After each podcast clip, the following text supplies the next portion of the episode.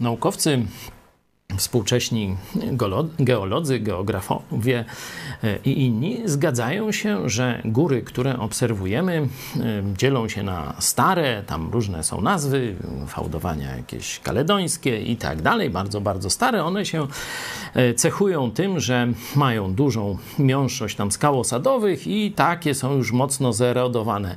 No mniej więcej góry świętokrzyskie w Polsce, no i góry nowe, młode, fałdowanie alpejskie, czyli na przykład polskie Tatry, ale także właśnie Alpy, od których pochodzi ta nazwa, czy Himalaje.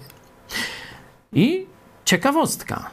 Biblia też mówi o starych i nowych górach. Choć prawdopodobnie okres y, pomiędzy nimi y, je różniących tych fałdowań jest nieco inny, ale ta obserwacja góry stare i młode pojawia się w Biblii. Zobaczcie Psalm 104, tam jest mowa o stworzeniu ziemi bardzo pięknie.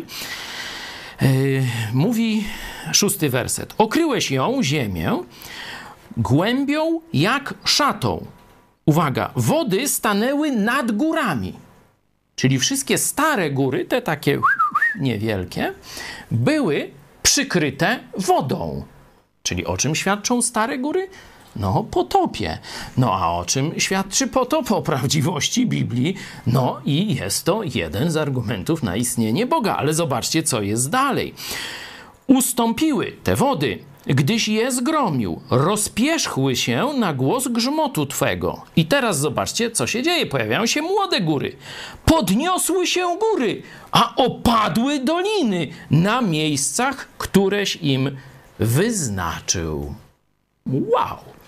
Kiedy pojedziecie na wycieczkę w Tatry, zobaczcie, wszędzie dookoła skały osadowe, przebite, rozwalone przez taki krystaliczny rdzeń tych nowych gór, o których też Biblia jasno mówi.